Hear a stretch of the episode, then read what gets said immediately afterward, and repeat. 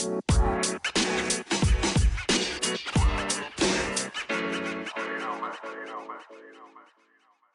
sann! Velkommen til sesongens siste episode med Fantasy Snackies. Mitt navn er Eirik Boman, og sitter her med min gode venn og kollega Eirik Doksheim Haugerud. Hallo, hallo. Yes, da var jo vi ved verdens ende av denne sesongen her. Dette er den Mhm. absolutt siste episoden vi har denne sesongen her, fordi nå er jo Premier League-sesongen over, og Fantasy Premier League-sesongen over. Så- Dessverre. Og Ja, takk. Gud for det. Ja, helt enig. Det skal bli deilig å få en liten uh, sommerpause nå. Eh, men vi skal ha fortsatt en kjempebra episode. Vi skal jo snakke om runden som var, nemlig Game 38. Og den endte jo fantastisk bra for en av oss. Litt Mm. mer bittert for den andre. Så mer om det uh, seinere. Og så har vi en liten sånn eh, såkalt sesongreview, eller kavalkade, eller hva de vil kalle det. Der vi skal Mm. snakke litt om, reflektere litt om sesongen, og hvordan det var, og hvordan det gikk, og hva vi skal gjøre neste sesong. Og så har vi litt sånn eh, Team of the Season og litt type priser vi skal dele ut. Så det er egentlig bare å finne noe godt å spise, helle på noe godt i glasset, og nyte ja, kanskje en drøy times tid med god fantasy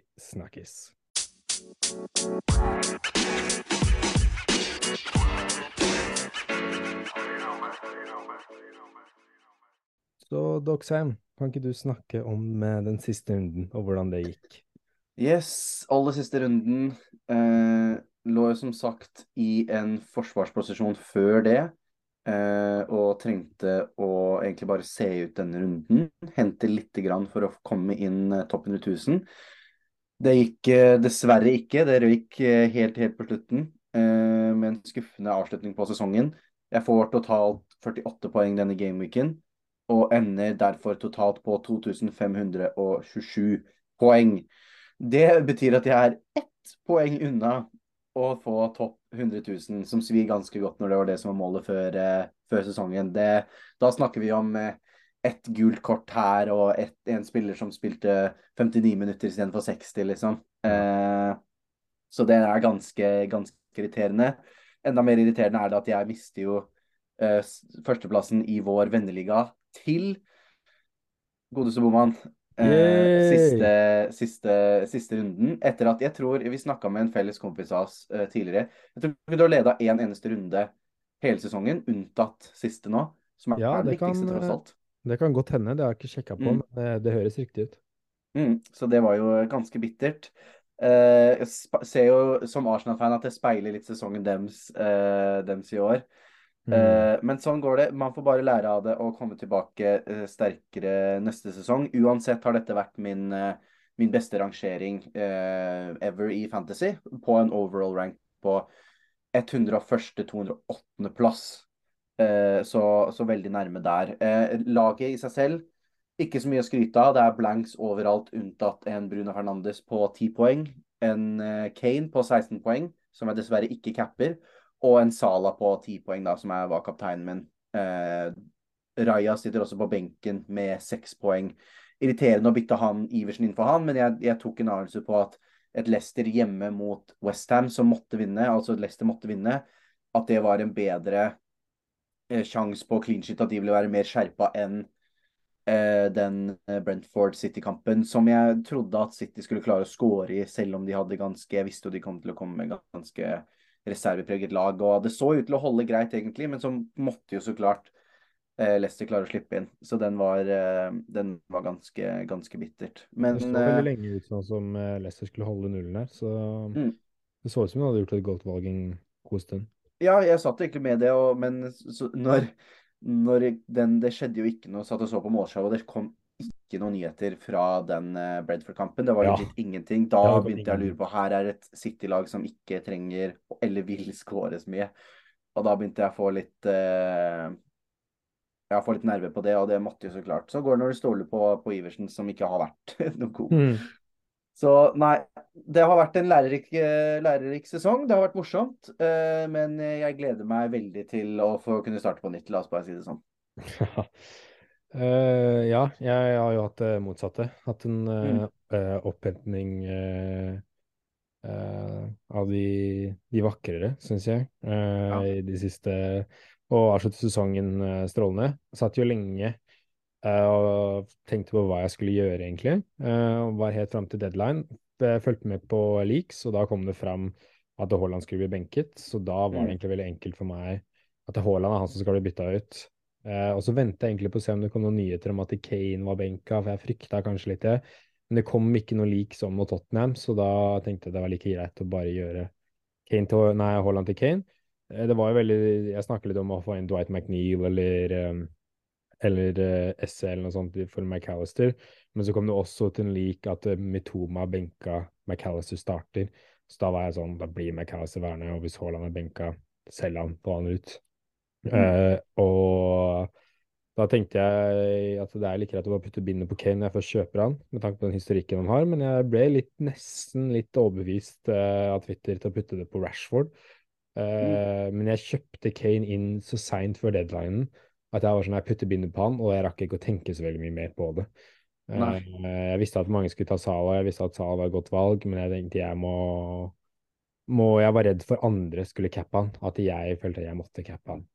Uh, Mm. Og ja, han viste seg verdig uh, den Gaming 38-runden. Han er en mester på Gaming 38. Uh, men jeg har jo, har jo Raja i mål. Fikk en god clean shit her, den var jeg fornøyd med.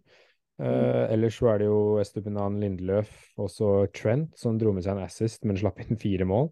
Fikk med seg et uh, bonuspoeng også, så det ble jo helt OK.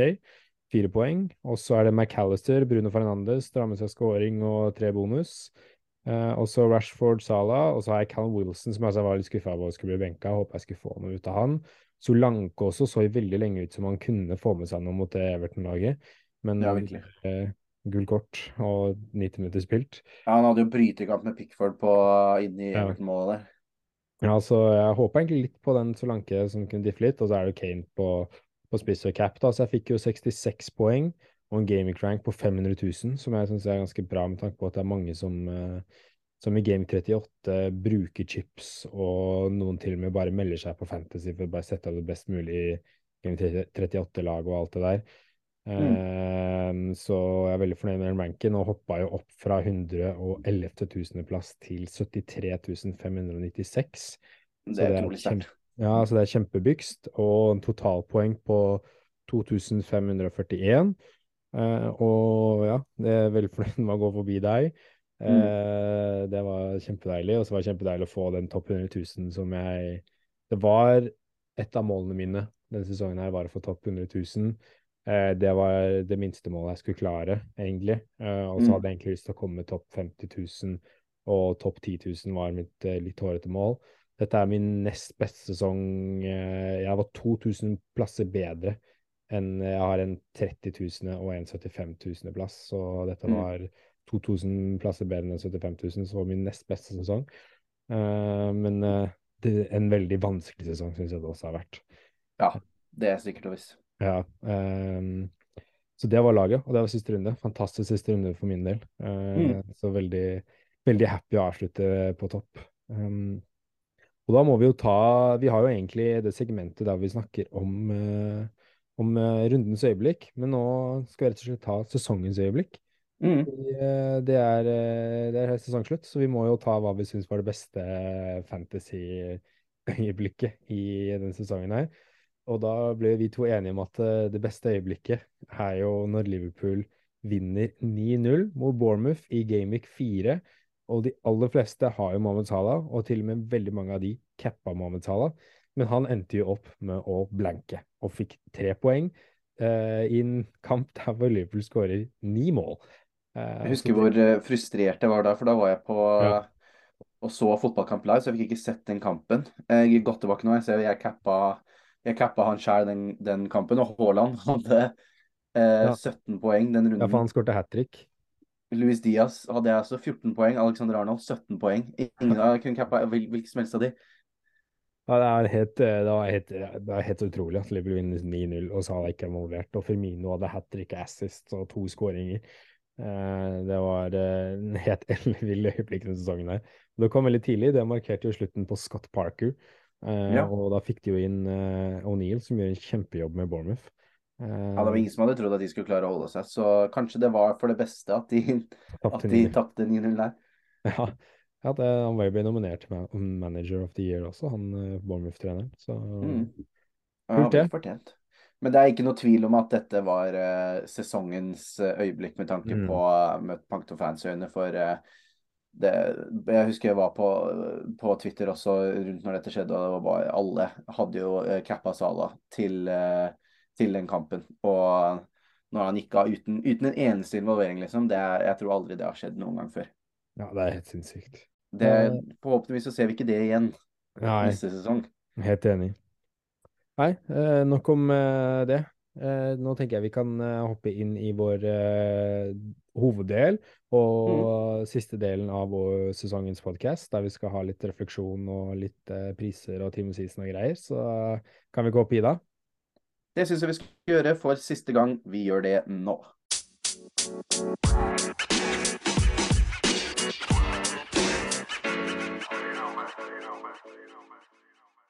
Yes. eh, nå skal vi ha en liten sånn eh, sesongrefleksjon, siden sesongen er over.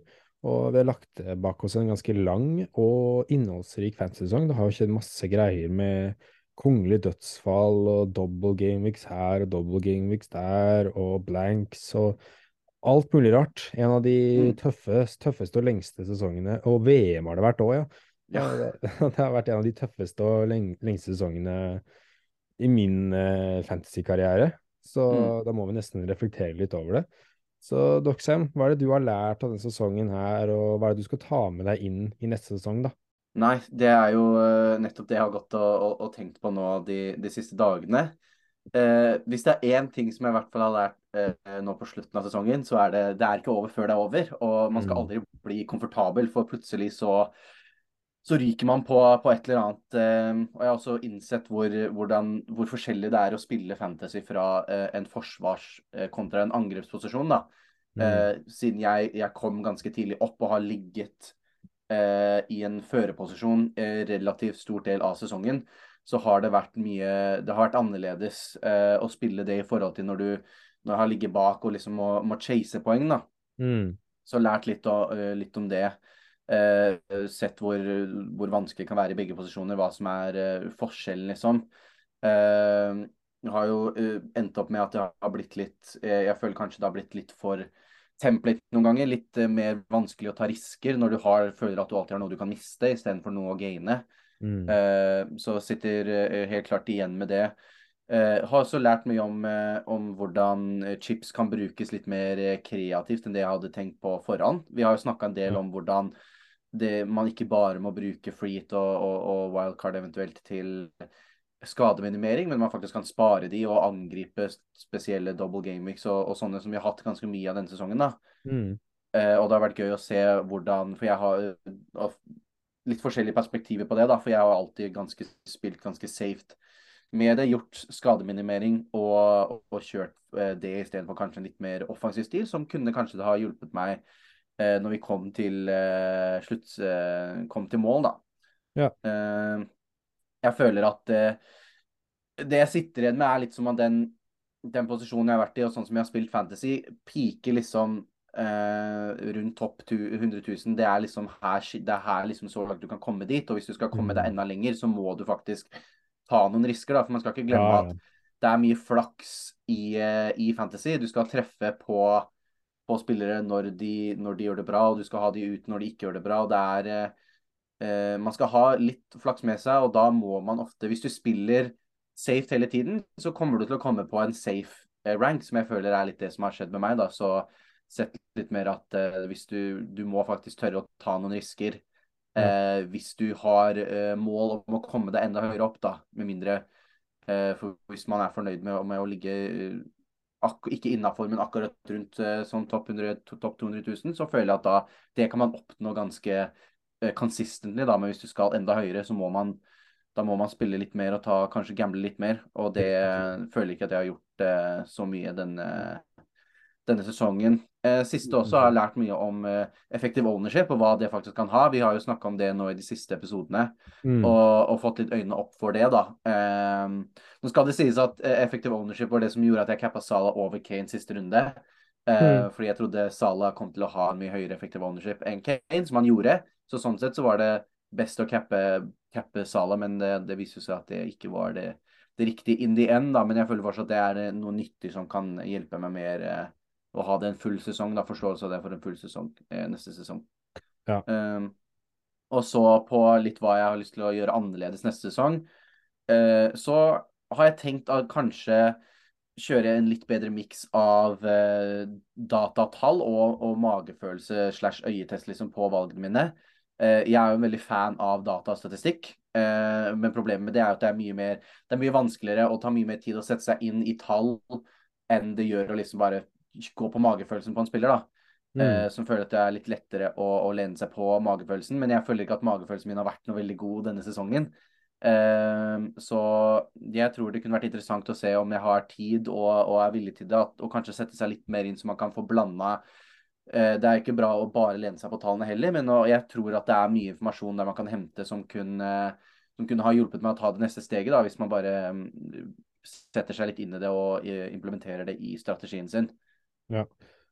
Ja, øh, jeg er helt enig at det er, det, det er viktig å ha en kombinasjon øh, mm. av data og, og, magefølelse og øyetest og, og rett og slett øh, fotball. Da. Se fotball. Du må mm. se spillerne i aksjon, ikke bare, bare, se på dataen og sånt. Nei, en god, en god blanding av det. For ja. som sagt, noen ganger så finner data noe som du ikke ser, men andre ganger så er det jo Sånn som noen ganger så, så f.eks. å bli sittende for å se for mye på fixtures da, og se hvilke kamper folk har, mm. istedenfor å se hvilke spillere er det faktisk som er gode nå. Um, ja. Vært litt uh, obs og prøvd å tenke på det denne sesongen, men det er vanskeligere når du sitter i det og liksom Du blir frista, vet du. Ja, man blir det. Mm. Uh, for min del så er det jo jeg, Sånn som du sier, at det er viktig å spille helt til slutten, og det er noe jeg prøver også stresse med de jeg snakker med med Fantasy og litt på den podkasten her, at det er Du må bare spille helt til slutten, fordi det er mm. mye tid som kan skje, og det er mange som dropper av. Og de beste fantasy-spillerne er de som klarer å sitte og spille en hel sesong. Ja. Uh, og jeg følte jeg fikk en bekreftelse på det denne sesongen her. Kanskje den beste Eller det er jo Jeg kan ikke si jeg husker 100 hvordan jeg avslutta de forrige sesongene, men dette er kanskje den beste avslutningen jeg har hatt. Med tanke på mm. at i Gamic 21, da, som var sånn litt hvis jeg ikke husker feil, litt etter VM. Ehm, ja, jeg tror Game Week 17 var første etter VM. Ja, så det er til og med litt etter VM også, så lå jeg 912 000 i verden, så nesten på millionen. Og så ti runder etterpå, i Game Week 31, så lå jeg 291 000, som er basically 300 000, så da er det sånn Det er bare 20 runder igjen, og fortsatt så et stykke unna 100 000. Men så endte jeg opp med å avslutte på 73 596, da.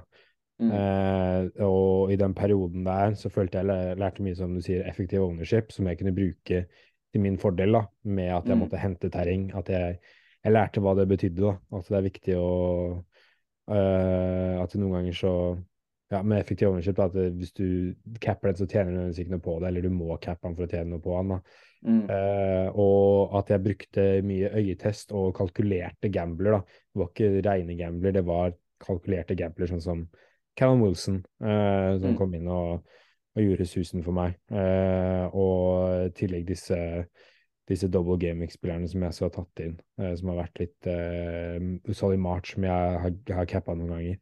som har vært jeg, syns, jeg syns Callum Wilson er et veldig godt eksempel på, ja. på våre sesonger. da, fordi jeg, I den perioden så gikk jeg med Isak, fordi at det var han som flest kom til å ha. Det var han som var sikrest. Mm. Um, og da følte jeg at det var det sikreste valget for meg å ta. Men hadde jeg vært i din posisjon, så hadde nok jeg gått med Wilson også. Da kunne det jo vært Da, da blir ting annerledes. Fordi når man først treffer på en gamble, så tjener man jo veldig på det. Uh, mm. Så hva, hva, jeg, hva, hadde jeg gjort hvis, jeg var i, hvis du var i min posisjon, da, og jeg var i din posisjon? Ja, det er litt sånn også uh, Du kunne jo også på en måte gjort det samme eh, hvis du ville kommet på en høyreplassering. Det er litt hva man er jeg følte, med jeg sa, I hodet mitt så hadde jeg alt å tape, ja. og jeg tror det var det som felte meg til slutt. Ja, helt enig at det er sånn Du kunne totalt ignorert meg og bare mm. vært sånn Jeg skal bare gønne på å prøve på topp 10 000 eller noe sånt, og så gå for Wilson. Eh, men det var jo som vi snakket om i Dipspodden, at Isak var jo kanskje det beste valget, men det er jo ikke nødvendigvis på papiret og noe annet som utspiller seg, er to helt forskjellige ting. da. Mm. Uh, men uh, det viktigste jeg altså tar med meg inn i neste sesong, da, som jeg syns jeg gjorde feil denne sesongen her, uh, var det å ikke å ikke ta disse spillerne som er i form, da, og komme meg på togene, selv om jeg var sånn Selv om det er en runde, en runde eller to runder for seint, så betyr ikke at det er at du ikke må komme på de spillerne, da. Spesielt i starten. Da er det veldig viktig å være på de riktige spillerne, og det var der jeg ble felt å ikke ha en Almiron, eh, også Mitoma ved litt seinere anledning. At jeg var altfor mm. sta og tenkte at disse spillerne kommer til å falle av. Eh, eller at jeg, jeg har ikke noen måte å få dem inn, jeg vil spille de mer sikre spillerne. Eh, jeg syns jeg spilte for sikkert, så det jeg skal gjøre mm. annerledes neste sesong, er å komme på disse som er i form, da. Og ikke nødvendigvis bare spille til fixtures, for jeg satsa mye på Chelsea-spillere, f.eks. Liverpool-spillere som sleit i midten og starten av sesongen, enn å gå for Newcastle og Brighton, som var lag som var i form. Eh, ja. Jeg kom på, de, kom på de lagene og spillerne for seint, og mm kom jo aldri på en Almiron f.eks., som var spilleren å ha før VM. Ja. Um, så det er noe jeg skal gjøre annerledes, er å ja, bare rett og slett prøve å få inn disse spillerne som er i form. Ikke være helt sånn høns og bare ta inn hvem som helst, men uh, ser det ut som the real deal som Almiron egentlig gjorde, så er det greit å komme seg på den uh, før det er for seint. Ja, ja. deler litt den med at uh, noen spillere er man liksom én-to gameweeks for seint på. Og da det er mye poeng å hente i, i, de hvis du får det på én eller to gameweeks før, da. Ja. Um, også det siste er den uh, Jeg vil bare nevne sånn som inn i neste sesong er den uh, freehit-bruken min. Uh, det er noe jeg vil ta med meg videre til neste sesong, for jeg følte jeg holdt på den relativt lenge. Selv om mange mm. brukte mm. den, så holdt jeg på den lenge og planla byttene mine veldig bra inn i de som mange skulle bruke freehitene sine, da, som gjør at jeg ikke trengte å bruke freehit. Og så skulle jeg egentlig bruke det til en angrepsposisjon, og det er det jeg vil gjøre neste sesong, er å bruke freehiten min i en angrepsposisjon og bruke det for å tjene poeng. Jeg tror det er mer moro, rett og slett. Jeg er helt enig. Eh, jeg måtte bruke det som skademinimering i den runden her, for det kom en til blank som gjorde mm. at jeg måtte gjøre det, men det gjorde at jeg, freehiten min var jo kanskje en av de mest suksessfulle chipene jeg hadde i år, eh, med tanke mm. på Game Week Rank. Eh, så samme bruk ish. Eh, men være, hold, være planlegge blanks bedre, da, for å si det sånn. Mm. Eh, og bruke den eh, på et stadium der jeg kan tjene poeng, framfor at jeg må gjøre det for å liksom redde meg selv inn. da. Eh, det føler jeg er noe jeg skal ta med i neste sesong. Mm. Eh, og så eh, Det er jo mye vi kan gjøre annerledes, men så er det jo ting vi har gjort bra denne sesongen her. Vi har jo fått mm. to veldig bra plasseringer, det er jo ikke noen tvil om det. Det er jo mange fantasy-eksperter som ligger 500 300 000 og alt det der. Jeg skal ikke eh, glemme at det er nesten 11,5 millioner ja. spillere i det spillet. her. Nettopp. Så vi har gjort noe bra. Eh, så hva, hva, er det beste du har gjort denne sesongen her, og hvordan føler du du har utviklet deg mest som fantasy-spiller, da, Doxen? Mm. Det er altså veldig tydelig det overall det beste jeg har gjort, er at, og å holde ut helt til slutten. Eh, for selv om jeg har spilt uh, fantasy i mange år, så har jeg alltid duppa litt på slutten. Jeg har aldri tatt det sånn veldig seriøst. Uh, og jeg tror faktisk aldri jeg har fullført sånn en hel sesong sånn som vi har gjort denne sesongen. da. Uh, så det er jo helt klart noe av eh, det beste jeg har gjort, å, å faktisk holde ut løpet. Kjøre hver eneste gameweek. Mm. Eh, og, og, og, vært med på, på hele fra, fra, start til slutt. da. Og det er jo tak mye takket være denne podkasten som har gjort at, gitt meg motivasjon og gjort at det har vært litt mer gøyere å, å, å faktisk holde på helt ut. da. Eh, men det er jo når vi ser hvor fort det kan ende seg på slutten, så er det ofte så kan eh, ofte ikke sånn med tanke på overall ranking, men ofte kan venneligaer avgjøres bare på hvem som faktisk gidder å spille ut ja. sesongen, og de som ikke gidder det. Eh, så sånn lokalt sett så er jo det å, å, holde ut noe av det, det viktigste du kan uh, gjøre. Eller så syns jeg også jeg har vært bedre på, som en konsekvens konsekvens av at jeg har tatt det mer seriøst, er at, å, å klart å holde transfers nærmere deadline. Før så likte jeg å gjøre det kanskje ja, onsdag, torsdag, midten av uka, bare for å få det unnagjort så du ikke glemmer det til helga. Men det å faktisk sitte på det, holde, få med deg så mye informasjon du kan før du faktisk gjør byttene, er noe som jeg også føler eh, at jeg hadde litt fokus på denne sesongen da, og, og faktisk fikk litt uh, igjen for. Sånn som bare nå med siste uh, siste runde hvor vi får beskjed om at Haaland ikke kommer til å starte, og at det da gjør at da kan man gå til en Kane ganske sikkert. Mm. Sånne små ting som man kan få med seg gjennom sesongen, da, som kan, eh, kan redde en, en, god poeng og, og redde noen blanks eh, fra laget ditt. Mm. Eh, og så syns jeg for det mesteparten av sesongen at jeg hadde en god balanse i laget, med tanke på hvor mange spillere fra hvert lag og sånn. Det rakna litt på slutten eh, når ting begynte å bli litt crazy. eh, og det var mye blankshull som skulle fylles, og, og, og tinger og tang og skader. Men uh, for mesteparten av mer enn 50% av sesongen så syns jeg at det har vært god distribusjon, da. Uh, og ikke vært for avhengig av, uh, av ett lag, som jeg ja. syns jeg har gått på smeller av det noen ganger og hatt to, kanskje tre tripler, da, altså tre spillere fra, fra samme lag, og så tre av de, så det blir liksom 90-70% av laget ditt er er tre lag, og da er du veldig avhengig av ganske få kamper. Ja. Kan, det kan du tjene på, men mest sannsynlig så, så går jo det skeis etter hvert, da. Ja. ja. jeg er helt enig. Det er, det er typisk også når man er supporter, at man bare gønner på med i hvert fall sånn jeg starta å spille fantasy, så var det sånn jeg skal konsekvent ha tre spillere uansett hva. Mm. Uh, men jeg er helt enig, det er viktig å ha en distribusjon på flere lag som gjør at man ikke nødvendigvis er avhengig av tre lag. Det er mer en sånn free ting, det, at man kan gønne på med gamle ja. på tre-fire lag. Eh, mm. at de gjør jobben. Det er også en ting jeg syns jeg traff greit på, på chipene mine denne sesongen. Jeg hadde en svak første wildcard, eh, men traff bra på triple cap og, det andre wildcardet. Da snakker jeg ikke om eh, Jeg traff mm. greit på, på, det World Cup wildcard også. Og så hadde jeg en, en grei benchboost og en OK free hit. Så det var triple cap var nok best, eller eh, benchboosten traff jeg også ganske høy score på, men det gjorde veldig mange andre også. Ja. Eh, så akkurat rundene på chipene traff veldig bra, men det er kanskje timingen. Sånn, Jeg spilte ofte mine chips når alle andre gjorde det også, så sånn overall så tjente jeg ikke så mye på det, selv om jeg fikk høye scorer. Um, så det er mulig at det, det kunne vært uh, bedre å og spilt i litt andre tidspunkter. Men uh, overall greit fornøyd med chipbruken denne sesongen. Det er jo det alle stresser over mm. uh, før sesongen starter, og at man skal treffe på de forskjellige tingene. Og, og i hvert fall treffe på en triple cap og en benchput, liksom. Så det syns jeg er, uh, det er bra. Ja, ja jeg er enig. jeg mm. føler det, det beste det beste jeg gjorde, var egentlig planlegge byttene mine inn mot double game weeks, og så da mm. treffe på cap i double game weeks. Uh, det følte jeg var mitt beste, og det var der jeg hentet uh, mest poeng. da, sånn som den første eh, double game-weeken var sånn game week 30, nei, game week 23. var jo en meget god double game-week med både Sjaka og Shaw og De Bruyne som hadde høye poengsummer. og da fikk jeg jo 104 poeng den runden, og det var min høyeste mm. game week rank i hele sesongen, på 50 000. og så har vi jo en game week 27 eh, hvor jeg cappa Tony, som fikk 26 poeng, og jeg fikk 99 poeng totalt. Og hadde noen eh, Brentford og jeg tror McAllis hadde en ganske god runde den runden der også. Og så er det en Gameweek 29, eh, som også er dobbel, der jeg fikk 118 poeng med March cap, og spiller McAllis og Tony også, som hadde høye poengsummer den runden der. Og så Gameweek 34, Uh, var, en, uh, var også en veldig bra dobbel gameweek der jeg fikk 117 poeng med spillere som Sala og Trent som henta masse poeng. Det var jo en, uh, en liten dobbel der hvor mm.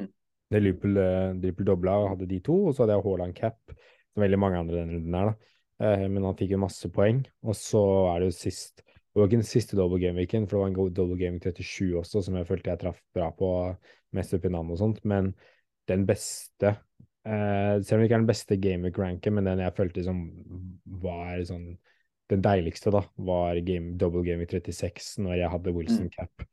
Uh, og traff ekstremt bra på det og henta masse inn på å ha han som cap den runden. Uh, så jeg følte det var det absolutt beste jeg gjorde den, den sesongen, her var å planlegge byttene. At det, i hver double gaming så hadde jeg masse double gameweek-spillere. Uh, og, og det, det, tror jeg henta en del på. For det var rundt det mm. stadiet der jeg klatret og klatret og klatret, var når disse double game-weekene kom. Og planleggingen måtte sitte. Det var jo blanks også inni der. Og jeg mm. følte det var der som hjalp meg med å, med å, klatre, da. Var at der hvor folk eh, slutta å følge med og satt med lua i hånda i de rundene, så var jeg forberedt og hadde mye, mye spillere. I tillegg at jeg traff på, på cap, da. Mm. Eh, så det syns jeg var det absolutt beste jeg gjorde. Ja, du fikk definitivt eh, mye igjen for det, som vi ja. ser nå til slutt. Ja, det er uten tvil. Men mm. vi, vi, har jo, vi, har jo, også gjort litt feil, da.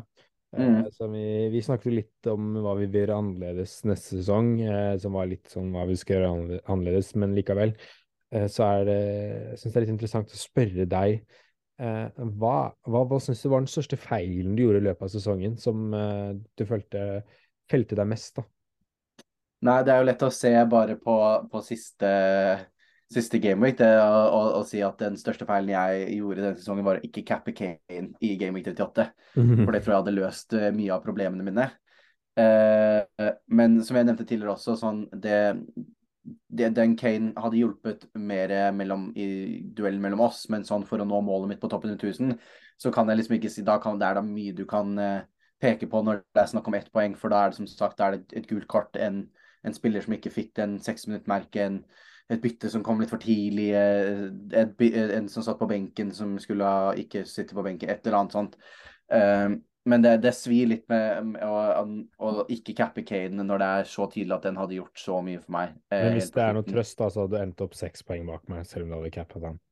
Selv om jeg ikke Ja, OK. Ja, det, mm. jeg orka ikke sitte og regne på det når det var over, men det, det, gjør ting litt bedre. Men da hadde jeg jo klart topp 100 000, da. Ja, det er sant. Det er sant. Uh, og vel så det. Uh, så det hadde jo vært Men det hadde jeg klart med, med mindre også. Så nei, det er, det er små ting, men også ser også mye som skjedde de siste fem-sju gameweeks i, i sluttspurten, hvor, hvor, det var mye som kunne blitt gjort annerledes. Jeg ser jo tilbake på litt av de City-kjøpene mine. Jeg tror jeg ble litt for investert i, i City og prøvde liksom at jeg skulle knekke pepperuletten, men endte litt med å brenne meg på den.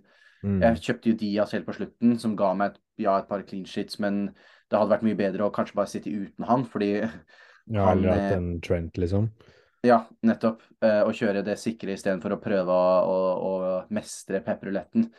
Uh, det var liksom alt altfor seint og altfor uh, uforberedt til å prøve meg på det. Så det mm, er noe som jeg ser tilbake på da, som de største feilene.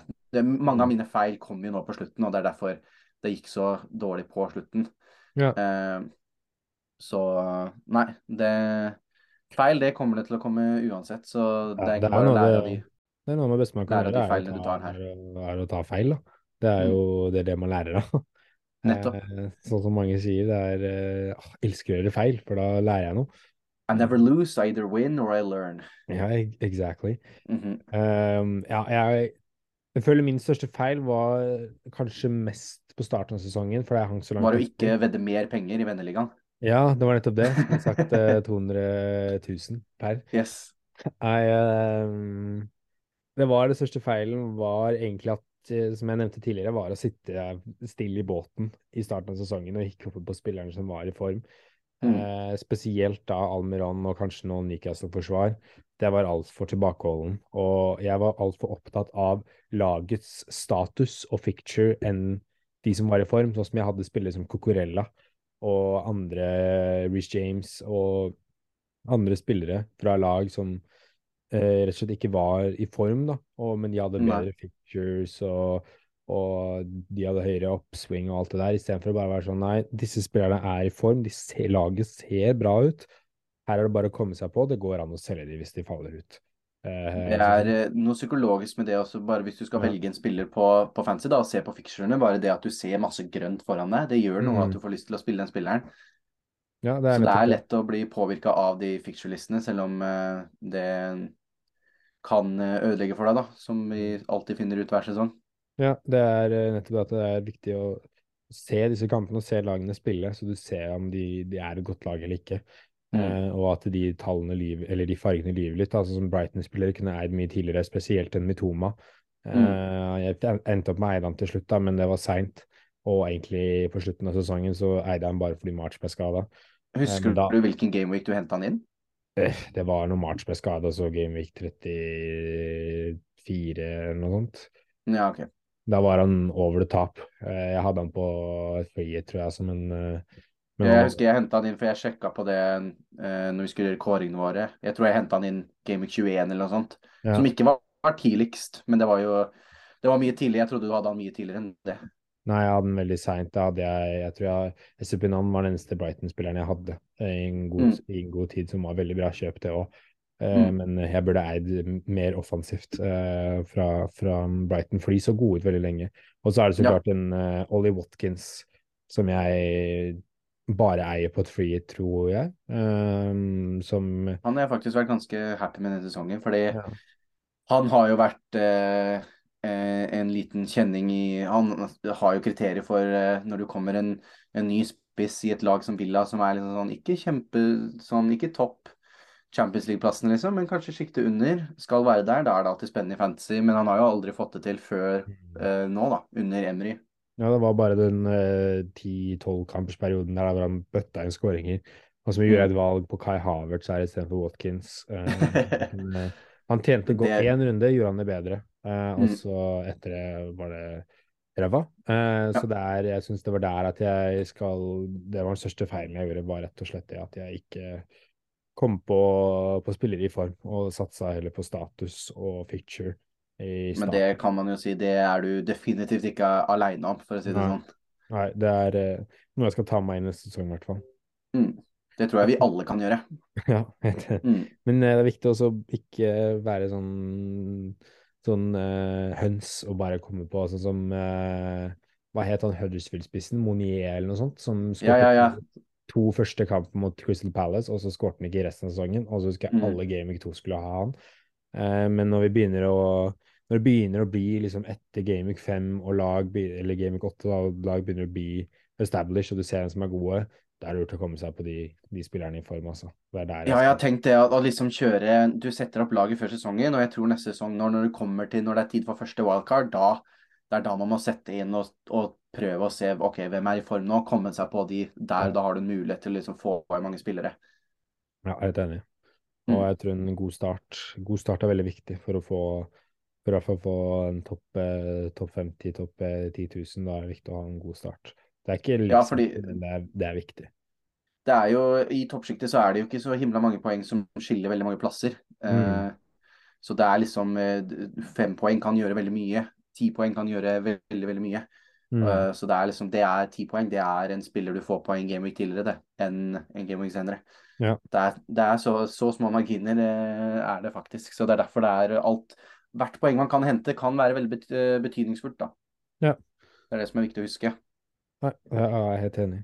Mm. Det var uh, veldig fin refleksjon. Takk for, uh, takk for dine, dine tanker. Jo, takk i like måte. Vi Skal lære av hverandre. Det er nettopp det. Og så håper jeg dere som lytter på, lærer også. Og, og får med dere noe som dere også kan Men ikke lære for mye, for uh, dere kan ikke gå og bli bedre enn oss. Nei, det går ikke an.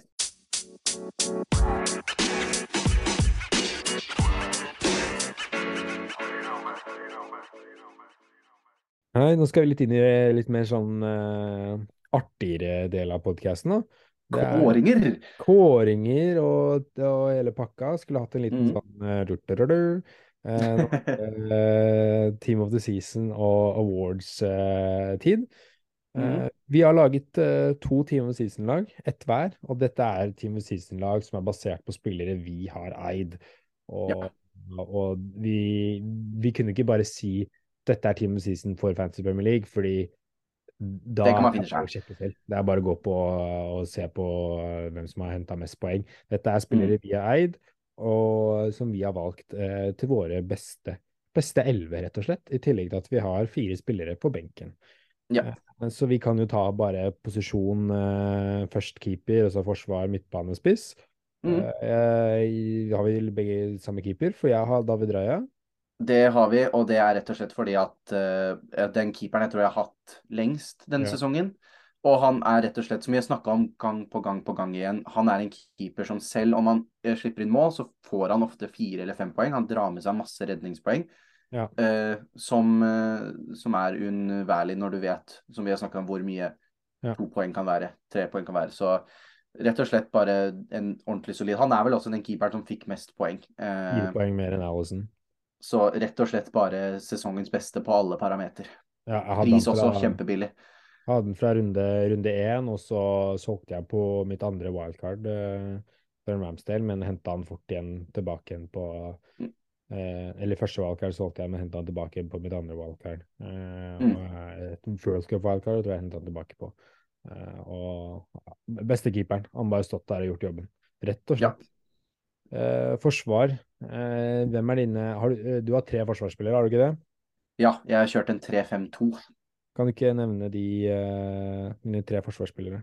Det kan jeg gjøre, vet du. Vet vi har litt likt der også. Eh, fordi forsvarsspillere syns jeg skal bare sies, der er det Det er mye poeng å hente, men det er liksom de kjedelige. Eh, Ja. Det er ofte ikke så, så mye variasjon der, for det er liksom de, der er de beste best, liksom. Um, og der har jeg gått med Trippier, Gabriel og Estupinan. Mm.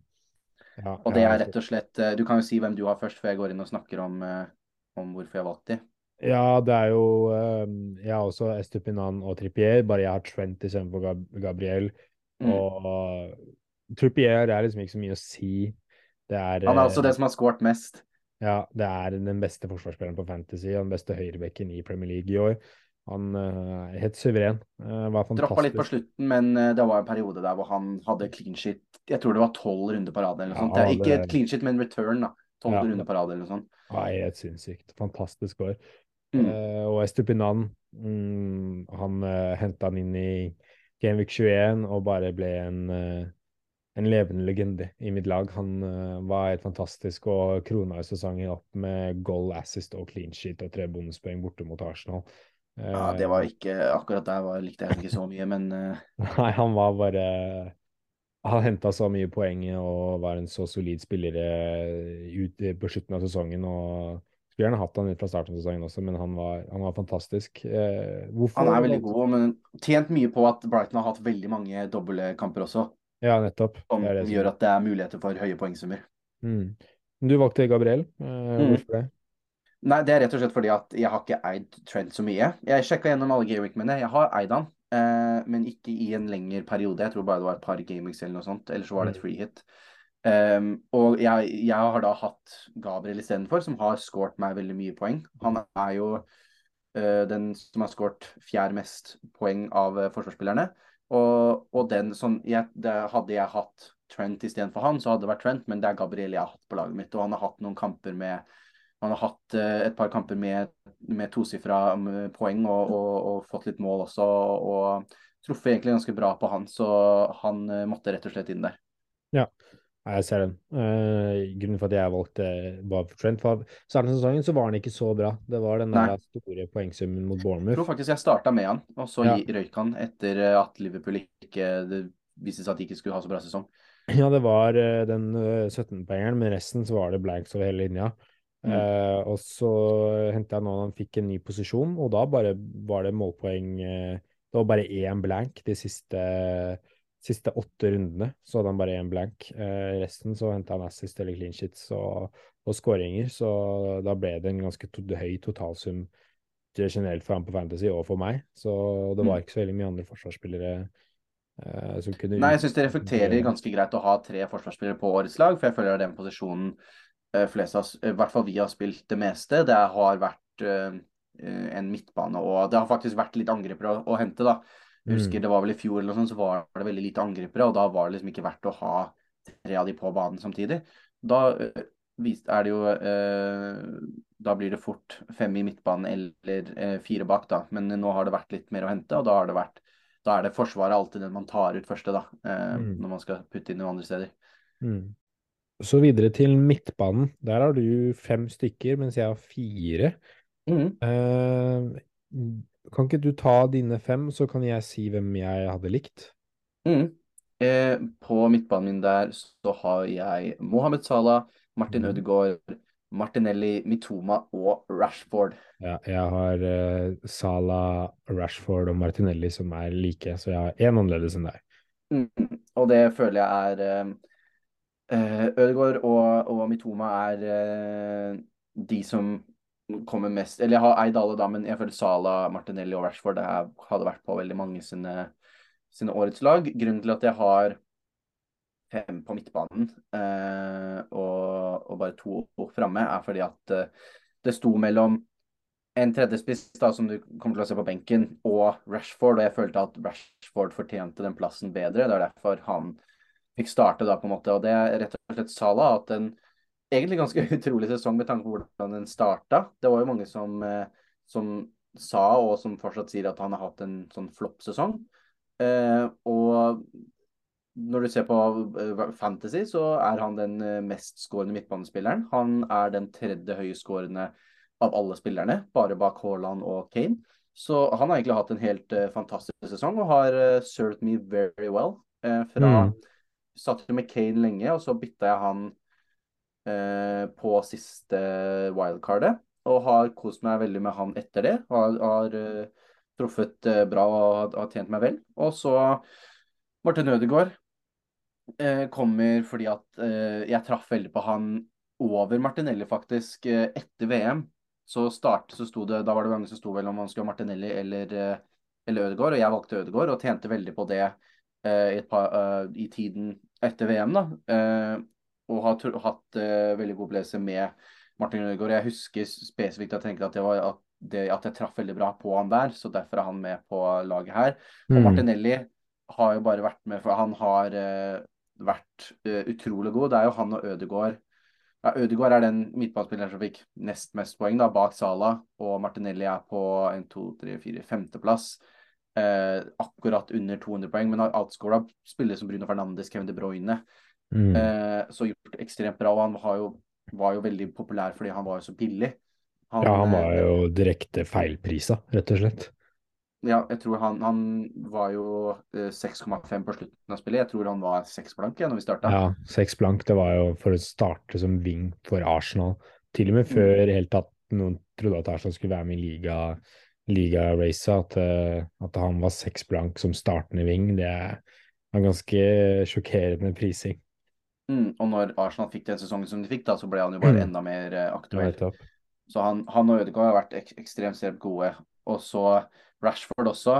Eh, hatt ekstremt eh, god opplevelse med denne sesongen. Eh, jeg henta han inn rett etter restarten sammen med Ødegaard, faktisk, fra VM.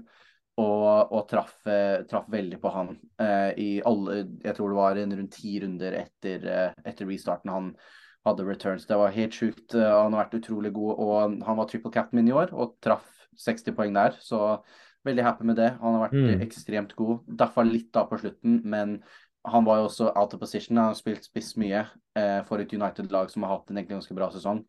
Eh, så ekstremt happy med han. Og sistemann er jo da så klart Mitoma, som eh, har blitt min nye favorittspiller sånn fantasy denne sesongen, kanskje. Han uh, henta han inn, som sagt, Game 21. Han var den første av Brighton-gutta jeg henta inn. og han har vært en fryd å se på, både å ha i spillet, men også se på i virkeligheten. Så det har bare vært utrolig morsomt uh, å se han uh, håve inn poeng.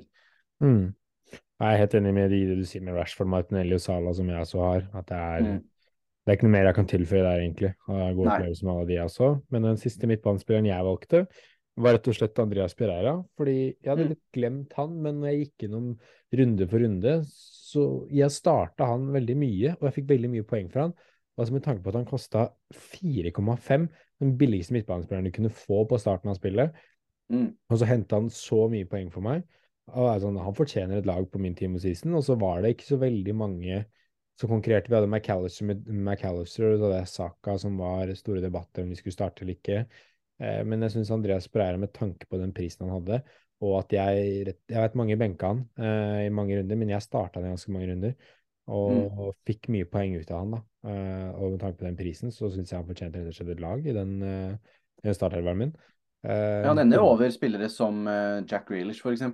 Ja, vel, jeg solgte jo han når vi begynte å planlegge disse double game weeksa, og da følte jeg ikke for så mm. mye doubles, så da ble han fasa ut av laget de siste 10-15 rundene eller noe sånt. Men jeg hadde han i første helt fram til VM, og så litt etter VM også, tror jeg. Uh, og han var uh, Han gjorde veldig mye for meg i den perioden. Når jeg spilte litt, uh, spilte litt dårlig, rett og slett, så var han et av lyspunktene. Og, og, det er jo alltid, det er alltid noen av disse legendene John Lundstrøm husker jeg også var en sånn mm. billig legende, og det er alltid noen av disse billiglegendene, og han var en virkelig, virkelig legende det året her. Ja, han var jo Veldig mange hadde jo han fra starten akkurat pga. prisen hans og at han kom til å starte. og hvis du hadde han i starten der og spilte han, så, så fikk du mye igjen for det. Han må jo være en av de som kanskje um, Gabriel Martinelli, en av de som man har fått si, mm. i, i, i, forhold til prisen, da, fått igjen mest poeng i forhold til ja. hvor mye de, hvor mye de kosta. Han, han, står jo nå på 4,3 på slutten av spillet. Uh, ja, han har ikke gjort det sånn kjempebra i, i slutten, da, men uh, i den perioden på starten når, når du hadde han, da, så var det jo, uh, så var han jo faktisk ganske undervurdert, vil jeg si. Ja. Uh, og så spisser. Du har to spisser. Det er vel ikke noe hokus mm. pokus. Mm. Jeg har tre, men det er Haaland og Kane. Steady Eddie yes. og, og Premier Leagues beste fotballspiller. Det er mm. ja, Kane, han har vært utrolig undervurdert i denne sesongen her. Hadde ikke Haaland gjort det så bra, så hadde vi Ja. om hvor fantastisk sesong Kane har hatt. Ja, han har jo uh, skåret 30 mål og eh, hadde en fantastisk sesong og var et veldig lyspunkt i et begredelig Tottenham. Mm. Eh, og på Fantasy også, bare se de siste, siste seks rundene, så er det 6, 11, 8, 8, 7, 7 og 16 poeng. Eh, og har vært skikkelig, som vi har sagt, stedig i hele sesongen og henta poeng og var veldig glad for at jeg eide han mye denne sesongen, og i hvert fall i siste runde. Så han fortjente virkelig der. Og så Jeg vet ikke om du vil legge til noe på Haaland? Eh, du kan jo ta en liten, eh, liten eh, sesongreview av han. Hva er det som ikke er sagt om, om Haaland? Han er den som skårer mest poeng i, av alle spillere i hele spillet. Har vært en Mm. mainstay for de fleste eh, fra starten, og vært en som man kan reliably ha cappa eh, runde inn og runde ut. Og har til og med hatt litt eh, personlig hatt litt gode erfaringer med å ha begge to, faktisk. Og Mm. kjøre to premiums foran, som har funka veldig bra. Eh, men du ser jo også, jeg hørte på en podkast i dag som snakka om at eh, eh, med, når man snakker om Haaland og Kane-sesongen, så var det sånn at eh, jeg tror Kane hadde klart å få til eh, mye av det samme som Haaland har gjort i City, men det er usikker på om Haaland hadde fått til det Kane har klart i Tottenham. Eh, jeg vet ikke hvor enig jeg er med det personlig, men det sier jo litt om at Kane har skåret 30 mål i en Premier League-sesong i et Tottenham-lag som havner på hva, åttendeplass eller noe sånt Mm. som har gjort, hatt en av de dårligste sesongene på lenge. Eh, men Haaland også har vært han, For han får plutselig Han har jo vært en spiller som vi har snakka om. Til og med hvis han starter på benken, så trenger han bare 20 minutter på å få med seg to-tre mål. Å ha en Mm. sånn spiller er, eh, er helt uvurderlig. Så han har jo vært en av de dyreste spillerne i, eh, i spillet òg, men helt, helt klart verdt det.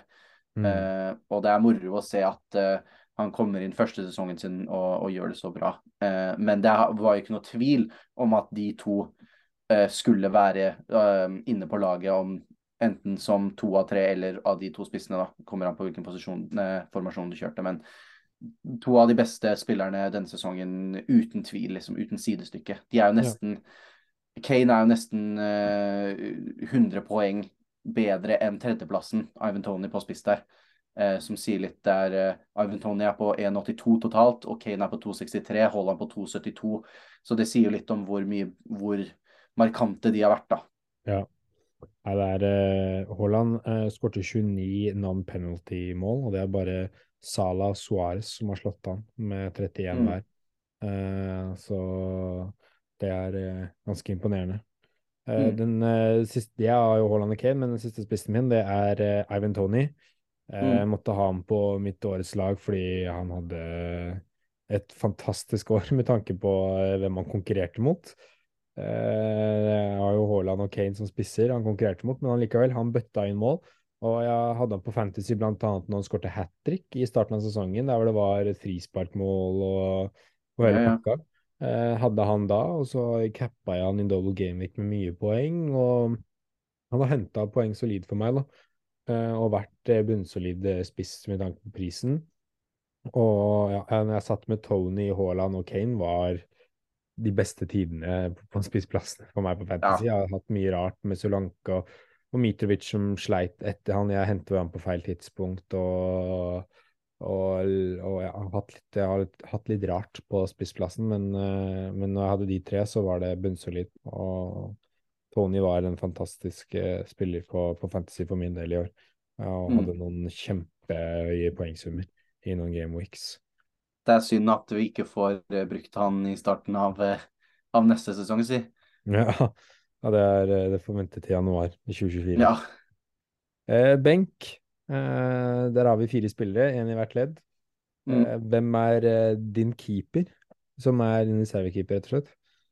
Min reservekeeper, der har jeg rett og slett gått med Nick Pope. Ja. Litt samme grunnen som egentlig hvorfor Trippier var så bra i starten. Det var når, når Newcastle hadde en rekke, en helt sjuk rekke der hvor de slapp ikke inn mål. Da var det veldig greit å bare ha Pope, sette han på, og han holdt masse clean shit. Så rett og slett han, han droppa litt for mye av på slutten til at uh, han fikk liksom starte, og jeg hadde mye bedre opplevelser med, med Raja. Så, for Pope fikk aldri særlig mye redningspoeng. Det var Enten så fikk han to poeng, eller så fikk han seks poeng. Det var det meste, meste av det, liksom. Eh, Men han har jo vært uh, som Newcastle solid defensivt overall den sesongen, så han og av de mellom Raja og Pope, Alison og Digea på Fantasy, så har ikke jeg hatt så mye Jeg har ikke hatt De Gea og jeg har hatt Alison i bare noen få runder, så det måtte bli Pope for meg. Mm. Jeg også hadde Pope inne på debatten, men jeg eide Pope i en periode hvor Newcastle slapp inn litt mål. Så jeg fikk Mm. noen clean shits, men det var, jeg kan ikke huske jeg hadde så sånn kjempegod opplevelse med han. Så har jeg hatt Ramsdale, som jeg Jeg kan ikke huske jeg hadde Jeg benka den ene mot Manny når han fikk 13 poeng eller noe. Og ja, ja, det var en periode også Arsenal slapp inn litt lette mål, så det var litt sånn eh, Hadde ikke veldig mye sånn positiv eh, opplevelse med han. Eh, og så er det Danny Ward, som jeg hadde på benken nesten hele sesongen, som eh, fikk store poengsummer, men han satt på benken min. Eh, Og Neto var en jeg har på benken også på Fantasy. Eh, men han spilte jeg bare to runder, og da fikk han syv og to poeng. Eh, så da ble det rett og slett værende med han som jeg hadde på freehit-laget mitt, John Stone. Han fikk ti poeng i den eh, runden, og jeg husker jeg hadde to Palace-defensive med Mark Way og John Stone. Og John Stone fikk ti poeng i den freehit-runden og gjorde at jeg fikk en kjempebra eh, freehit-runde. Så da tenkte jeg han er den andre keeperen utenom Raja jeg har mest positive opplevelser med denne sesongen, her, så han fortjener et Mm. lag på benken min. Eh, så, og han endte jo opp med å ha et ålreit eh, Etter at han fikk den førsteplassen i Palace også, så fikk han gjorde han det bra. Gjorde sakene sine bra. Så det blir spennende å se den prisinga kanskje neste år. Eh, Ja, jeg tror litt av problemet hans på slutten her var at, som vi snakka om, eh, Crystal Palace og Roy Hodgson kom på de 40 poengene de trengte, og etter det så da skrur de litt av. Ja. Eh, så hvis de fortsatt hadde trengt poeng, så tror jeg han fort kunne dratt med seg enda mer. Ja, nei, så ja, det ble rett og slett det vi eide i en runde. Men den runden mm. var så bra at uh, da ble det, det ble sånn. Eh, min forsvarsspiller ble Saliba. Jeg gikk gjennom eh, hvem andre forsvarsspillere er det jeg henta mye poeng på, og da sto det mellom Mark Way og Saliba. Og så Mm. regner jeg på at Saliba hadde jeg fått eh, to clean sheets mer på. Men jeg hadde Mark Way ganske hadde han i fire-fem runder, og så hadde han på freehit-laget mitt også. Det var Mm. litt sjokkert. Jeg hadde hatt han så mye. Eh, men eh, Saliba også hadde jeg en periode der hvor Arsenal holdt mye clean sheet, og han var, fikk jeg alltid clean sheet på hele tiden. Så da, da ble det rett og slett Saliba som eh, var den største konkurrenten til Trent, men eh, nådde ikke helt opp til Trent. eh, så så det ble, ble en benk på han, men likevel hadde, Mm. kjempe, hadde mange, mange solide clean sheets på han i løpet av sesongen. Eh, Hvem var din, din forsvarsbenk? Mitt eh, forsvarsspiller på benken er faktisk en som jeg gikk gjennom, som tjente meg veldig bra i starten, og, og kanskje er litt glemt nå. Det er godeste Jao Cancelo, som man Mm. glemmer har spilt, eh, spilt for eh, City den sesongen. Han ble jo Vi har snakka mye om dette på privaten, og ble nesten mis, sånn uh, mysteriously thrown out av klubben. Uh, for han var jo veldig god på det tidspunktet hvor han bare ble tatt ut av laget. Og det må jo ha vært et eller annet sånn disiplinære personlige grunner et eller annet mellom han og, og Pep. For han var jo snakka om som verdens beste back, og så plutselig så spilte han ikke, og så var han i Bayern München, liksom. Eh, men han tjente meg utrolig mye poeng i starten. Clean shit på clean shit på, og fikk assist og, og hele pakka. Så eh, litt sånn glemt. Han kommer ikke på sesongen. Han, hadde han spilt eh, hele sesongen, så kan det fort hende han var hadde vært på selve laget. Men uh, han var god nok før han, uh, før han stakk til at han får en plass på, på benken. Også fun Mm. fact om han er at han må være en av de få spillerne i historien som har uh, Han får to vinnermedaljer denne sesongen, for han har spilt nok med City og Ja. nok med Bayern til å få vinnermedalje for begge lagene, som er ganske bra å få to trofeer i to, to, vinne to ligaer på én sesong. Det er ganske imponerende. Ja, eh, han var også en av de spillerne jeg Jeg eide han litt, men jeg eide han litt for seint. Mm. Som jeg Jeg var så hadde han fra start. Skulle hatt han tidligere istedenfor Mm. Trent, blant annet. Eh, videre eh, så er det midtbane. Eh, da tok jeg Saka på min benk. Litt sånn starta sesongen med at han Jeg hadde han fra starten av, og da fikk han mest assist, så jeg var litt frustrert over det. Og solgte han da, og så kjøpte jeg han tilbake ved en senere anledning, og da hadde han noen kjemperunder. Blant, en, blant annet den ene double game weeken der var han jeg tror jeg brukte triple cap Haaland, og så hadde jeg en visecap da. Da fikk han 15 poeng eller et eller annet sånt. Eh, Mm. Så han hadde noen veldig eh, runder og på andre, del- an- andre delen av sesongen så henta jeg mye poeng på han. Uh, så det, han fortjente en benk på Team of the Season. Mm. Du, du da? Nei, det er jo uh, Arsenal midtbanen har jo skåret veldig, veldig høyt. I hvert fall som Saka Martinelli, da, som har spilt uh, i wing-posisjoner, uh, men som er midtbanespillere på, på Fantasy. Og uh, Saka, sånn personlig, så ville han også fått benken min, uh, med tanke på at jeg har hatt han, har, det er han Ødegaard og og Martinelli som jeg har hatt av de Arsenal-spillere på midtbanen der, eh, for det meste, og tjent veldig godt på alle tre. Men eh, siden du valgte Saka, så ville jeg egentlig bare gi en shout-out til, til Granit Xhaka, som har hatt en helt fantastisk sesong sånn fantasy-messig også, ikke bare sportslig på banen.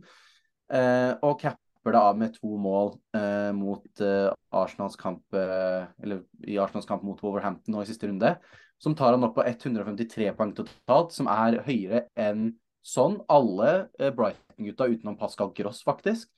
Eh, og spillere som eh, Foden, Jack Grealish. Så er bare det at han som har vært bare kjent som en sånn yellow card merchant til 4,8 på midtbanen der, har klart å, å score såpass høyt gjennom hele sesongen, syns jeg fortjener en shout og en plass på benken på mitt årets lag. Mm. Ja, Det er mors morsomt å se han få det til nå i det som kanskje er hans siste sesong i Premier League. da. Det er jo rykte at han Mm. skal bort til Bundesligaen. Ja, det er sant. Det er sant. Mm. Eh, min, eh, min spissbenk blir eh, godeste Callum Wilson.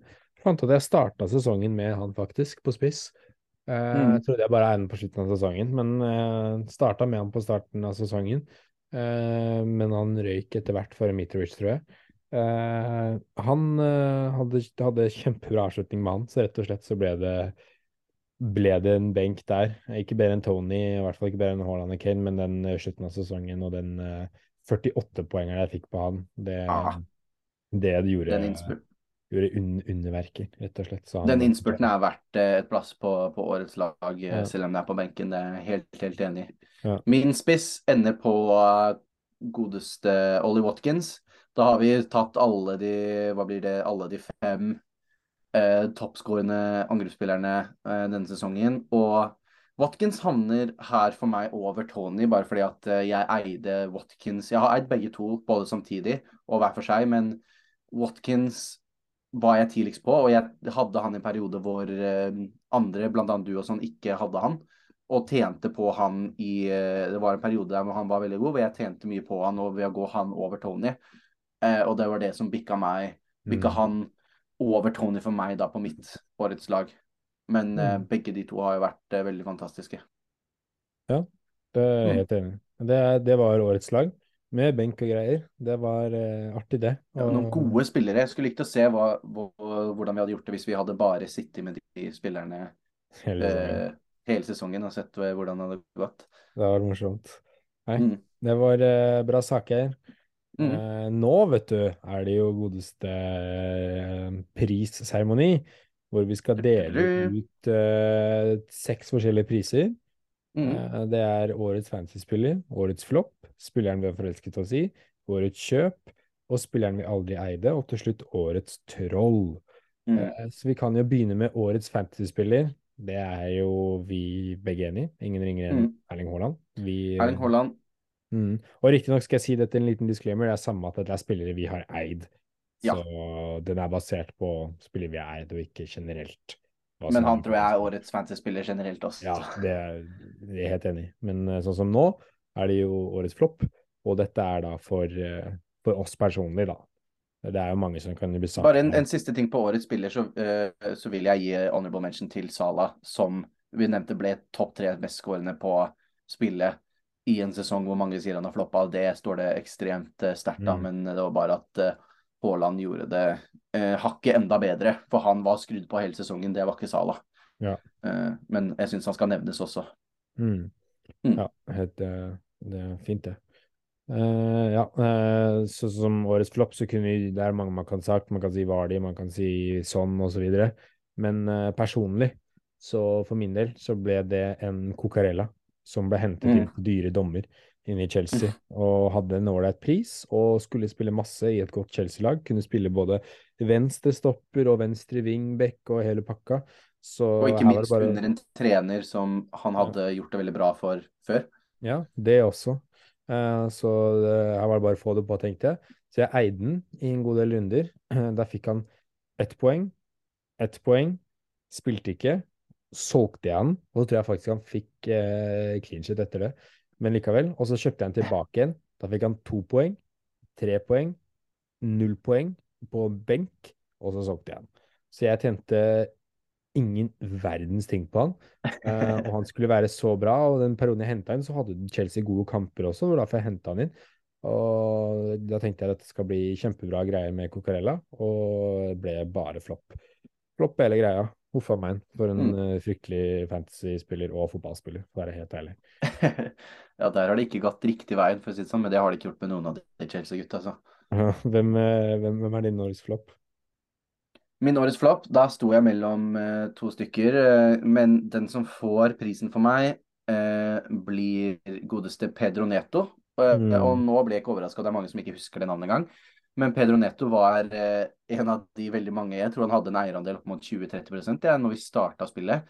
Eh, han var så snakka om, dette skulle være hans sesong. Spiller, angrepsspiller på Wolves, midtbanespiller på, på spillet. Men eh, han Jeg tror han hadde Jeg hadde han i to runder, for jeg solgte han for Eberechi Esse. Eh, det var to runder han fikk før det var slutt, og det så at det gikk nedover. Og jeg tror han endte opp på skal vi se, ja, 37 poeng totalt hele sesongen. Eh, så der snakker vi massive flop med tanke på Ja, jeg hadde den ikke lenge, men med tanke på hvor hypa han var før sesongen, så var det utrolig, utrolig skuffende. Mm. Eh, honorable mention til Skamakka, som Ja. jeg hadde i fire runder og fikk seks poeng ut av, som også var sånn Jeg tror jeg henta han inn for eh, Mitrovic når han ble skada.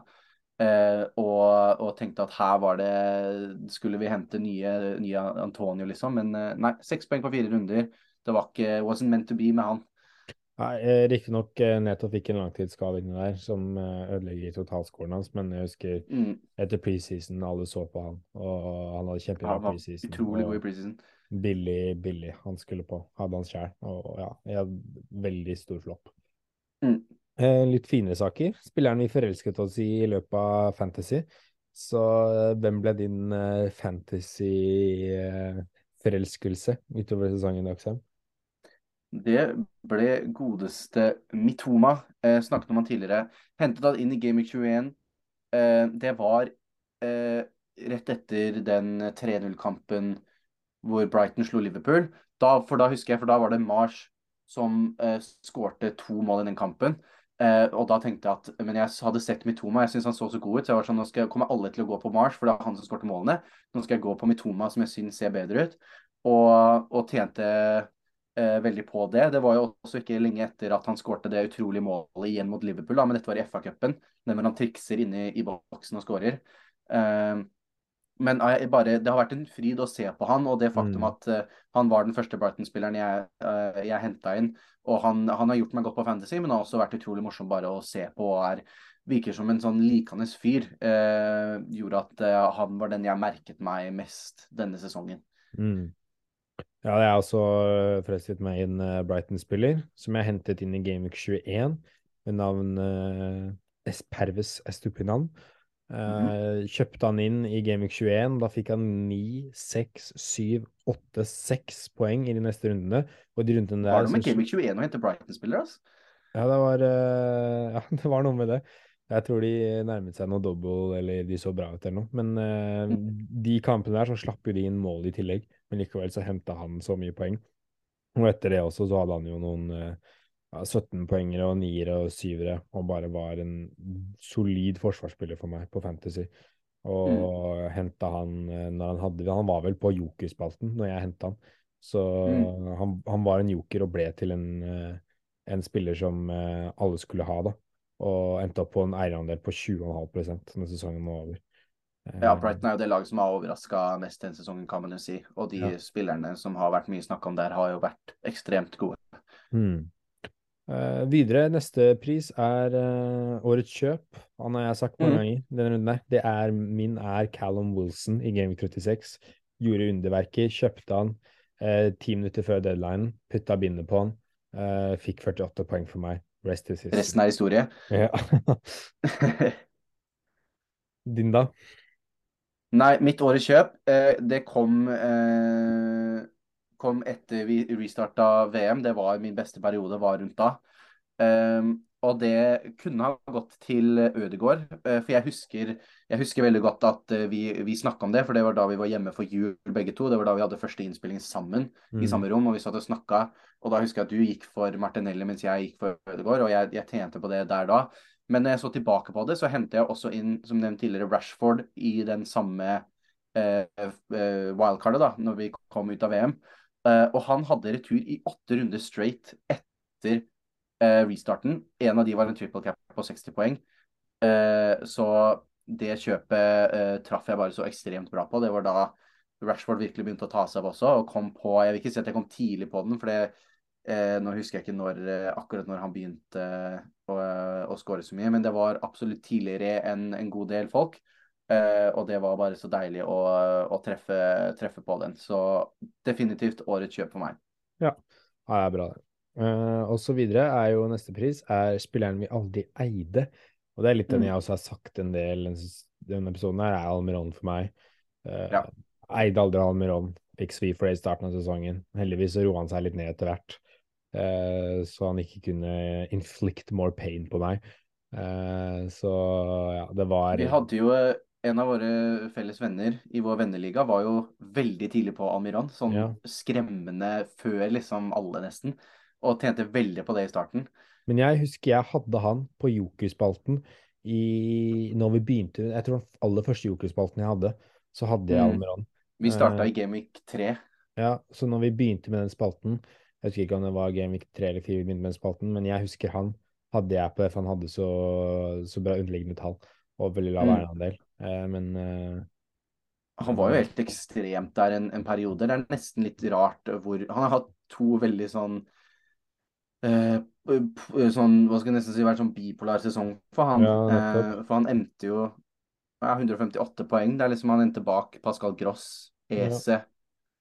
Nesten tatt igjen av Shaka Trossard, liksom. Så det er sykt hvor toppen han hadde, og bunnen gikk til, da. Ja, det var ganske drøyt. Mm. Uh, du, da? Min spiller, uh, som jeg aldri eide, det Jeg vil kanskje si Sully Marsh eh, som var Jeg har hatt all, nesten alle av de Brighton-gutta unntatt han.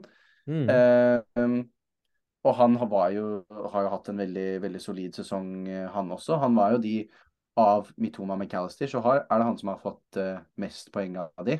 Ikke med sånn utrolig mye mer, men det er han som har, har skåret mest, og han som var billigst av dem. Men han var, det var han jeg aldri, aldri hadde.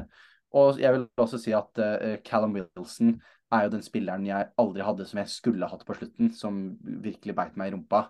Mm. Uh, men overall sett på sesongen så vil jeg si at uh, Sully Marsh er den spilleren som, som jeg så henne var sånn Å ja, hadde jeg aldri, hadde jeg aldri han, liksom. Ja. Nei, det er ikke verst. Uh, siste. Siste prisen nå, det er årets troll. Mm. Uh, årets troll for min del, det er uh, nest Da skal vi bare påpeke at det ikke er uh, troll som i norsk skogtroll, men troll Nei. som i internettroll. Ja. som har vært frustrerende å ha, eller frustrerende på oss på en eller annen måte, da. Ja, og det ble nest siste runde for meg. Det ble når når Bruno Fernandes slår en assist til, til Rashford, men Fantasy regner ikke det som en assist av Kepa redder den først og spretter mm. ut fra Kepa inn. Og da uh, skyves uh, Får ikke Bruno Fernandes uh, like mye bonuspoeng. Uh, for han blir tatt fort den assisten der. og, og så slipper i tillegg da ManU inn, inn, et mål da, som mister at ManU-spillere mister, mister, mer bonuspoeng. Så tenkte jeg at nå er det større sjanse for at Bruno Fernandes får bonuspoeng. Men så er det søren meg Louis Hall som spiller forsvar for Chelsea, som får med seg tre bonuspoeng i en kamp der hvor de slipper inn fire mål, og han får ikke assist eller scoring. Så drar han med seg tre bonuspoeng, og så er det vel eh, Sancho og Casemiro eller noe sånt som drar med seg de siste bonuspoengene, som gjør at eh, Bruno Fernandes ikke får bonuspoeng etter han ble tatt fra en, eh, en clear assist. Eh, mm. Og det bare var skikkelig trolløyeblikk fra Fantasy og Louis Hall. Eh, at han skulle dra med seg tre bonuspoeng der. Og jeg husker jeg var illsint etter runden der. Tenkte jeg nå rakna det helt eh, på slutten. Men så endte jo endte alt å bli godt til slutt, da. Men likevel, Mm. eh, at Louis Hall drar med seg tre bonuspoeng fra den kampen der, er et skikkelig trolløyeblikk. Slippe inn fire Ja, forsvarsspiller og få tre bonuspoeng. Uhørt. Jeg satt og tenkte på det sjøl. Det var jo helt eh, Helt utrolig, utrolig rart. Eh, men min troll eh, kommer på litt andre premisser. Eh, for mitt årets troll er nemlig på ditt årets lag, godeste Andreas Pereira. Mm. Og det er grunnen til at den er det, er for som du snakka om, så, så starta du han ofte og fikk tjent litt på det. Det har jo da jeg ikke gjort. Jeg gikk gjennom, jeg tror jeg eide han i rundt 15-20 gameweeks. Sju ganger har han sittet på benken min og fått return. Og av, en av de gangene var en tipoenger og åttepoengere. Så det var utrolig frustrerende å gå gjennom gameweeksen mine og se hvor mye poeng som bare ble bortkasta på at han satt på benken. Eh, og det, det var frustrerende å se på. Så han, eh, vi snakker om han som en eh, undervurdert, uh, undervurdert spiller, det er sant, men da må man uh, huske å spille han. Uh, yeah. Det var overraskende mye mer. Jeg husker det noen gang, jeg husker liksom at han har sittet på benken og at han har fått return, men at det var sju ganger, det var nesten sånn 50 av gangene jeg, av rundene jeg eide han, liksom. Så det var helt ekstremt. Så definitivt verdig en årets troll. Ja, Uten tvil. Eh, Mm. Da tenker jeg bare nevne Vi glemte å nevne det i, i stad, men eh, vi har en vinner i Eirik versus Eirik også. Mm. Det er Det kan eh, det Det kan du godt si. Yes, eh, den kommer jo vanligvis i, i spaltedelen vår, eh, så vi tar den nå, siden det ikke er eh, andre spalter som skal gjøres, fordi det er, det er ingen andre runder som kommer, så jeg trenger ikke noen kaptein eller joker der, men eh, vi har kommet til veiens ende på, på Eirik mot Eirik. Eh, det har vært eh, en lang eh, reise. Vi startet med den i, i Game Week 9, og kommet nå til 38. Eh, vi har hatt mange morsomme, morsomme temaer. Siste vi hadde nå siste runde, det var spill, spilleren vi ville hatt med i, i studio når vi starter første episode fra neste sesong. Og da valgte jeg godeste James Madison, som var den beste FBL-spilleren av Premier League-spillerne, fra Leicester. Og Boman, du valgte eh, podkast-legenden eh, Dejan Kulusevski fra Tottenham. Eh, endte med Madison, fikk med seg to poeng, Kulusevski tre poeng. Ikke mye å skryte av der fra noen av de. Men det betyr at vi ender opp med totalsum på Jeg har fått 97 poeng, og Boman har fått drrr, 91 poeng. Så da vinner jeg noe, i hvert fall, denne sesongen. Yay, Eh, gratulerer. Var gratulerer. veldig Takk, takk, takk. Det var veldig deilig. Synd vi ikke hadde planlagt noe eh, premie eller et eller annet straff for taperen eller noe sånt. Eh, Det, vi kom litt for seint, skjønte det litt for seint til at vi kunne begynne å, å liksom legge inn noe. Men uh, morsomt. Det har vært en morsom reise. Det har vært morsomt å finne disse spillerne under disse Mm. temaene uh, gjennom sesongen. Så det blir, det blir spennende å se om eh, om det kommer med neste sesong, og eventuelt hvordan, eh, hvordan det blir eh, neste sesong. da. Men eh, deilig å, å få med seg lit, en liten greie fra, fra denne sesongen, i hvert fall fantasy-messig, når det skulle ryke på alt det andre helt på slutten. Så det har vært moro. Ja, det har vært moro, og det var en artig spalte. Mm. Eh, så um, vi må avslutte med den noten. Eh, så er det egentlig bare å takke for oss. Mm. Uh, tusen hjertelig takk fra alle som har hørt på oss gjennom sesongen, fra dere som hørte fra oss fra Gameweek 3 til nå. Og Det, hører har på oss gått, nå. eh, Det, er, det har gått fort. det har gått fort, og det har vært fantastisk gøy. Utrolig gøy å spille inn disse episodene og lage disse episodene for dere. Og jeg håper dere har likt det også. Og vi er kjempemotiverte for å lage en ny sesong, så vi kommer til å være tilbake neste sesong. Dere kommer nok til å, til å få se det til sommeren og spille lansert, så kommer det fort en episode. Og den beste måten til å finne ut av det, er å følge oss på sosiale medier. Fantasy Snackers på Twitter og Instagram. Der blir det updates på når det kommer første episode i sesong to. Så det er bare å følge med og se opp for det. Og Mm. igjen, tusen, tusen, tusen takk for dere som har hørt på oss eh, denne sesongen her. Det setter utrolig stor pris på det. Og det har vært utrolig gøy å spille inn podkast for dere. Og håper dere har kost dere masse. Det har i hvert fall oss. Så ha en fantastisk fin sommer.